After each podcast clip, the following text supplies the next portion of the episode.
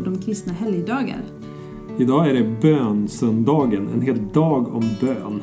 Och vi ska prata med Liselott J Andersson, evangelist i Equmeniakyrkan. Som vanligt så börjar vi med att läsa dagens bibeltext.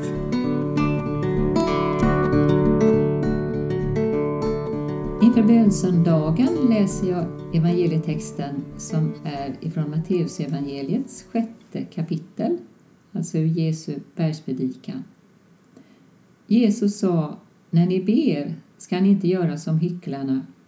De älskar att stå och be i synagogorna och i gathörnen för att människorna ska se dem.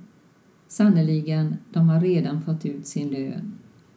Men när du ber, gå då in i din kammare, stäng dörren och be sedan till din fader som är i det fördolda. Då ska din fader som ser i det fördolda belöna dig. Och när ni ber ska ni inte rabbla tomma ord som hedningarna. De tror att de ska bli bönhörda för de många ordens skull. Gör inte som dem, ty er fader vet vad ni behöver redan innan ni har bett honom om det. I en lite äldre översättning så stod det istället för det fördolda gå in i din kammare och be. Jag tycker det här säger mycket mer vad det kan handla om att gå in i det fördolda.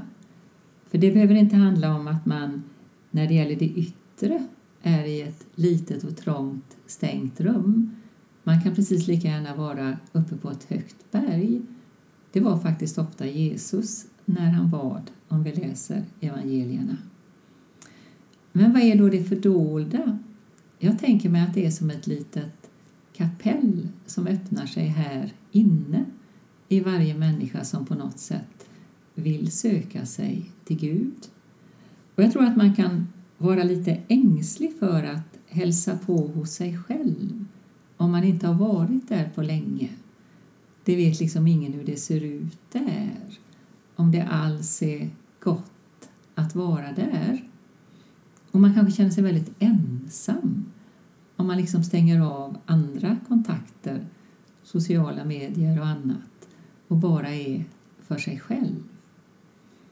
Men om nu Fadern är där, som vi läste, och så kan man tänka, åh, det kanske bara är rörigt och mörkt där inne. Men om Fadern ser och också vet vad vi behöver. Och fast det här är så nära så kan det ändå vara lite tufft att hitta vägen dit. Och då tror jag ju att man kan ha väldigt stor hjälp av att det är lite stilla utanför. Under den här märkliga våren när vi inte riktigt har fått träffa varandra som vanligt och mycket är nedstängt, då har man ju sett att det är många som rör sig ute i naturen. Och det är underbart att ta tillvara den möjligheten när annat liksom är stängt. Och jag kan nog tänka mig att det är det kyrkorum som betyder allra mest för många av oss. Att bara liksom röra sig ute i det fria. Och är det då tyst och man inte måste lyssna på musik eller någonting annat och man är ensam, då är det nästan omöjligt att man inte efterhand känner att det är som att någon annan också är här, går vid min sida. Och då kanske det också är naturligt att inleda ett samtal. Det finns ju väldigt mycket bra som är skrivet och sagt om bön. Men det bästa någon har sagt till mig, det finns i en bok av Wilfrid Stinnisen, karmelitmunk, död sedan några år men lever genom sina böcker. Eh, och det är en bok som heter Längre in i bönens land. Då säger han så här, att be är att sluta leva vid sidan av sitt sanna väsen. Att sluta vara någon annan än sig själv. Och så lägger han till som en konsekvens av det, det finns inget i en människas liv som inte kan bli till bön. Och jag tänker om man något lite tror på de orden. Det finns inget i en människas liv som inte kan bli till bön. Då har man verkligen hittat en skatt. Och den är värd att leta efter.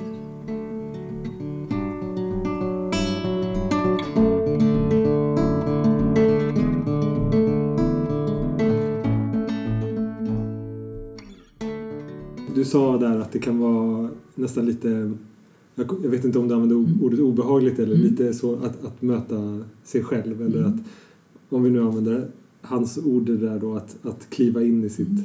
sanna jag var det du Mm, sa. För då, Ja. Ja, ehm, att, eh, men hur, hur, ehm, hur, vågar man, hur vågar man göra, ta det steget? Hur vågar man eh, kasta sig in i det där att, att vara helt sann eller helt ärlig inför Gud? Så hur, hur vågar man det innan man har provat? Mm. så? Mm. Alltså, om man ska välja en bibelbok så finns det en fantastisk bok som heter Saltaren som ju är Gamla testamentets bön och sångbok, eller hela Bibelns bön och sångbok. Man kan bli förskräckt när man läser vissa psalmer. Och det beror på detta att den är totalt osensurerad. Alltså som människor känner i Saltaren så talar de också till Gud. Så där finns mycket jubel, tacksamhet, så finns det vrede och sorg, anklagelser mot Gud, lika nära som tacksamhet. Eh, och att läsa Saltaren lite försiktigt, bit för bit, det tror jag kan vara en sån där inkörsport för att eh, se att man kan faktiskt vara alldeles genomskinlig, kan våga vara det inför Gud. Eh, det är en sån där tydlig hjälp. Eh, det är faktiskt så att det finns något som heter tidebön. Och det är inget nytt, utan eh, det står i Nya Testamentet att Jesus och hans vänner gick upp till templet för att be. Det gjorde de det vissa tider varje dag. Och då bad de framför allt direkt ur Saltaren. Eh, Och det är många som praktiserar det även idag. Det har jag själv gjort i mer än 25 år. I stort sett varje dag ber jag tidebön. Eh, och det har hjälpt mig jättemycket att bli mer sann i min bön. Därför att alla de där salmerna har satt sig någonstans. Så det känns som att jag har ord både för vreden och glädjen och sorgen. Vi lever ju i en tid där vi jäktar hela tiden och vi, vi, ska, vi ska alltid ha ett ärende. Mm. Liksom. Och när det kommer till bön så blir det lätt också en sån sak Mm. att vi ska ha ett ärende till Gud. Mm. Annars så behöver vi inte be eller annars... Hur ska vi, hur ska vi programmera om våra hjärnor Mm. att faktiskt bara tala med Gud som, som vår bästa vän? Mm. Ja, för som alltid så ger Jesus själv ett väldigt fint exempel. Och det är när han är 12 år med sina föräldrar uppe i templet i Jerusalem. Och de tappar ju varandra när de är på väg hem, alla föräldrars mardröm. Och så hittar de så småningom sin 12-åring i templet. Och han kan inte fatta varför de har varit så oroliga. Och då säger han, visste inte ni att jag behöver vara där min fader är? Och jag tänker att det är ett väldigt enkelt och fint sätt att beskriva grundstämningen i all bön. Det är att vara en stund hos Fadern. Eh, och eh, det kan ta lite tid att komma dit. Eh, för en del kan det fungera väldigt bra med musik. Den musik man älskar mest som liksom hjälper en in i det här avslappnade läget. För någon annan är det gå ut. Det är mitt bästa. För någon annan är det kanske att man har en bild som man tycker mycket om. Det kan vara en ikon. Det kan vara en vacker naturbild. Man liksom lugnar ner sig inför den. Eh, det kan också vara att vara med barn. Mm, när man inte liksom har egna barn eller eh, man kan ju ha barnbarn och så vidare som jag. Eh, och man, man behöver inte ha dem alltid utan man har dem när de är som mest ljuvliga. men, men även när de inte är det, det är väl på något sätt det där omedelbara som kan ta fram det där eh, som är under den polerade ytan också hos oss. Är bön alltid eh, ord och ett, liksom ett, ett konkret samtal eller kan bön mm. bara vara en närvaro? Det kan verkligen vara en närvaro och jag tänker mig att det är liksom grunden för allt. Eh, Det verkar som att jag bara har en massa citat som svar på allting men det blir en yrkessjukdom det går jättebra. Men eh, det finns ju en kille eller man som heter Shane Claiborne som var här i Sverige också för några år sedan. En slags förgrundsgestalt för lite av en ny Jesusrörelse i USA. Eh, Och han berättar i en av sina böcker att han var en tid hos Moder Teresa. Så han är nog äldre än vad han ser ut. Och så får han tillfällen då att prata personligt med henne och det är sådär liksom en helig stund, tänker han. Och så frågar han eh, Moder, men, men när du ber, vad säger du då? Inte mycket, svarar hon. Jag lyssnar mest. Jaha, men Gud då? Vad säger han? Inte mycket, han lyssnar mest. Och det är liksom hela hennes lektion om bön. Men jag tycker att den är så fantastisk. Det är det där ömsesidiga lyssnandet. Och jag har ofta, om jag ska vara lite personlig, jag har känt det som en väldig gåva. Eh, En gåva kan man ju inte göra sig förtjänt av, det är bara en gåva. Eh, Men jag tycker att jag har lätt för att känna in den där närvaron. Eh, Eller också har alla andra lika lätt för det. Mm. Men jag tycker att det är ganska lätt. Men man behöver den här hjälpen, åtminstone behöver jag det, av att det är lite stilla, tyst runt omkring. Åtminstone att, att det inte är någon annan alldeles nära. Sen kan jag verkligen uppleva det tillsammans med andra också i en bönegrupp, i en gudstjänst. Men just det där att, att det är bara jag, därför att då är det på något sätt lättare med den här kommunikationen med någon annan, åtminstone för mig. Mm. Hur gör man eh, när man inte, om man liksom inte upplever Mm. närvaron Mm. eller inte får ett svar Mm. eller när Gud känns väldigt Mm. tyst? Hur, Mm. hur gör man för att fortsätta be då? Ja, alltså tidebönen betyder jättemycket för mig. Att eh, Det är inte mina egna ord, det är andra beprövade ord. Och eh, Det kan ju låta väldigt liksom helgonlikt och fromt det jag sa nyss. Det är verkligen inte alla månader jag känner det heller. Men jag ber ändå den tidebönen. Och, någonstans så får jag in de där orden som ett, som ett inre förråd. Eh, och jag tänker också att kroppen betyder någonting där. Jag har en eh, bönepall där hemma som är inskjuten under fönsterbänken i vardagsrummet. Det är ett stort fönster med fin utsikt över fält och skog. Och bara det där när jag liksom sjunker ner på den där pallen, den där rörelsen i kroppen betyder någonting. Och så har jag en liten ikon framför mig på fönsterbrädan. Ser ut över den här utsikten. Eh, och ibland när jag går upp därifrån så har jag ingen aning om vad jag har läst eller bett för psalmer. Eh, men jag vet att jag var där. Jag vet. Det sitter liksom i min kropp. Och på något sätt så följer det med mig. Så det är inte utan betydelse att ha en plats. I den här texten du läste inledningsvis så, så talar den ju egentligen inte om att vi... Den, den pratar om den enskilda bönen. Mm. Men i andra texter i, i Bibeln så pratar man om, om det två eller tre samlade och så vidare. Att vi ska vara flera som ber samtidigt. Mm. Vad, vad blir skillnaden? Mm. Ja, alltså det, det finns ett, ett ord i Matteusevangeliets 18 kapitel där Jesus säger att eh, vad två eller tre av er kommer överens om att be, det ska ni få om min himmelske fader. Det är alltid lite sådär isande med de där löftena tycker jag. Därför man kan genast känna en rädsla, men om det inte blir så, hur ska jag tänka då? Men jag vill säga oavsett svaret så kan det betyda oerhört mycket när man vågar vara så genomskinlig man kan inför någon annan människa och samtidigt inför Gud. Och det där ordet som står där för att komma överens det är symfoneo på grekiska, alltså ordet för symfoni.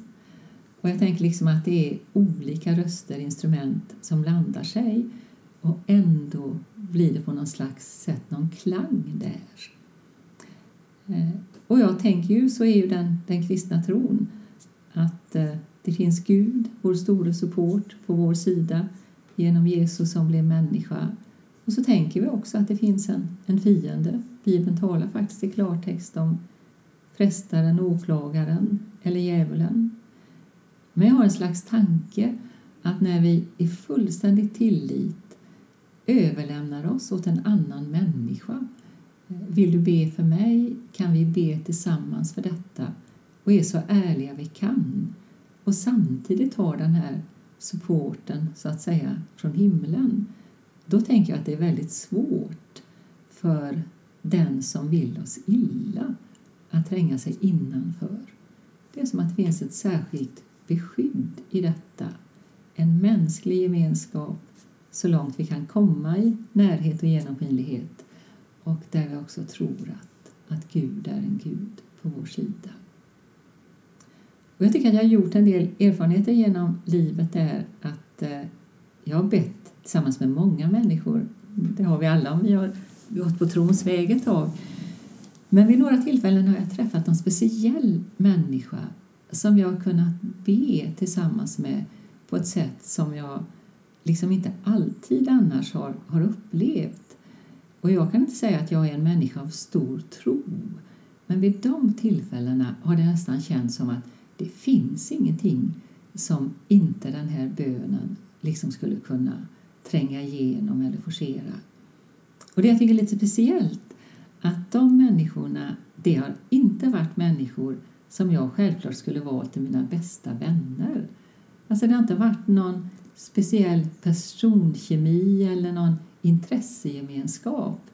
Det är som att det har varit på ett annat plan, någon slags eh, överensstämmelse.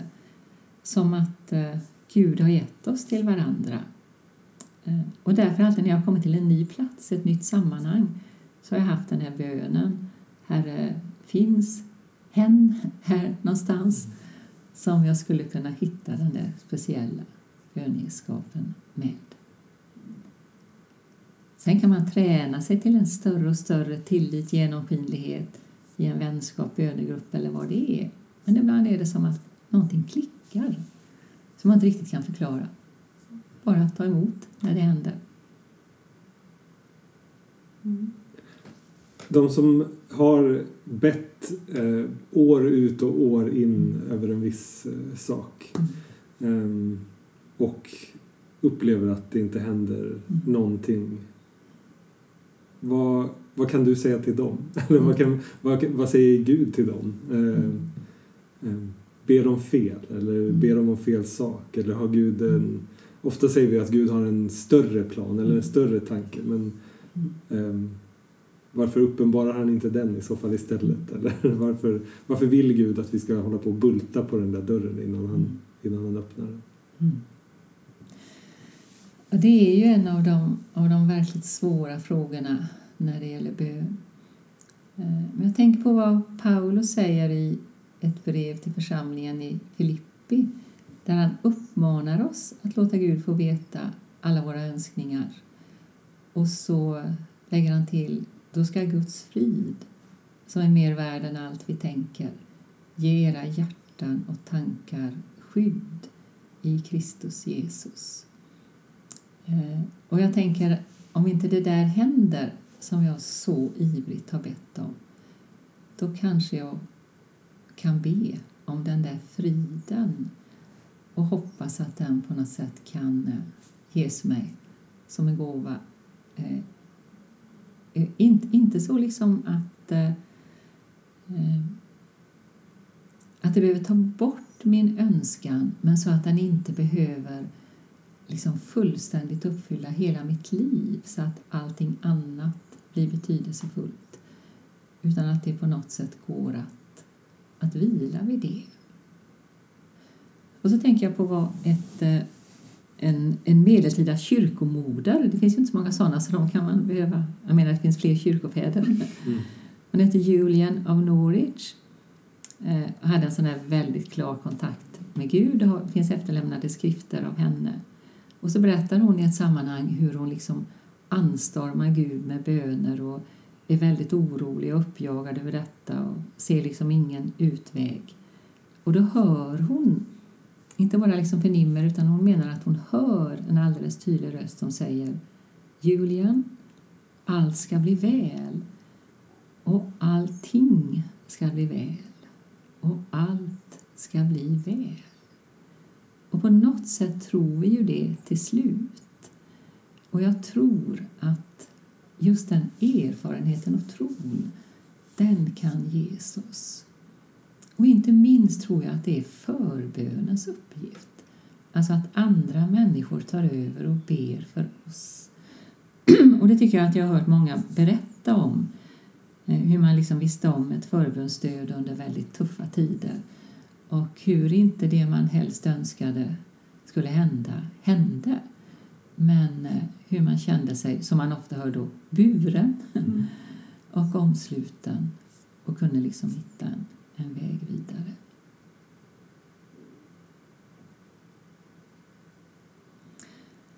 Mm. Eh, jag lyssnade till en eh, god förkunnare och författare som heter Fredrik Lignell som har skrivit en bok och också gärna berättar om svårigheter i familjen när de kämpade för livet för en dotter med psykisk ohälsa.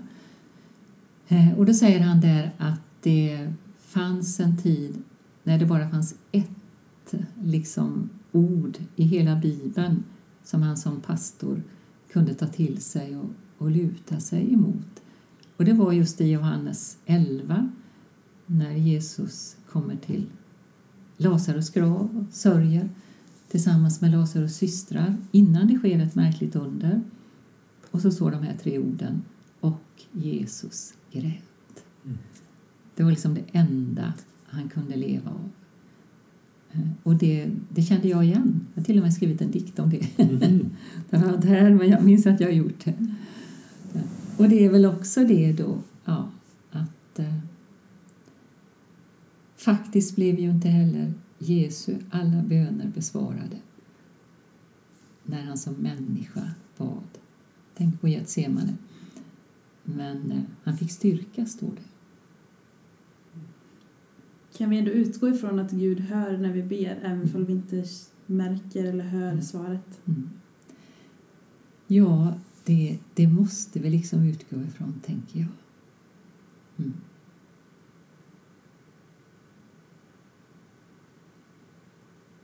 mm. Men det är viktigt att att få ropa ut sina varför. Eh, och där kan verkligen Saltaren hjälpa oss om vi inte tycker att vi hittar orden själva. Jobs bok, Jobb som säger om Gud lite förtäckt, den här världen har visst hamnat i en brottslings händer. Mm. Eh, och så kan man behöva säga när man känner det så. Eh ibland längtar vi så mycket efter bönesvar att vi hittar dem mm. överallt. Mm. man ska säga. Mm. Vad, vad, får man räkna som ett bönesvar? Alltså, vi, man hör berättelser ibland om att ja, och just när som jag satt där och bad så landade en fjäril på mm. min eh, veranda eller vad det nu kan vara. Mm. Alltså, jag, jag, jag menar inte att förringa det på något sätt men, men vad, hur, hur långt får vi gå i vad vi säger är ett bönesvar? Eller, förstår du frågan? Jo, jag förstår att väl.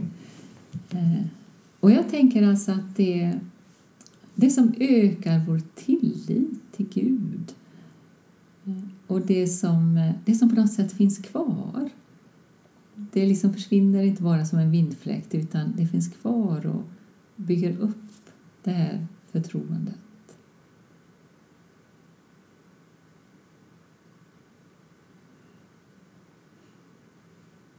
Gud både kanske gråter med oss och skrattar lite åt oss när vi ber. Kan det vara så? Mm. Ja, det tror jag. Kanske framför allt åt eh, våra bekymmer. Mm. och det betyder inte att han tycker någonting, tänker jag, är för litet.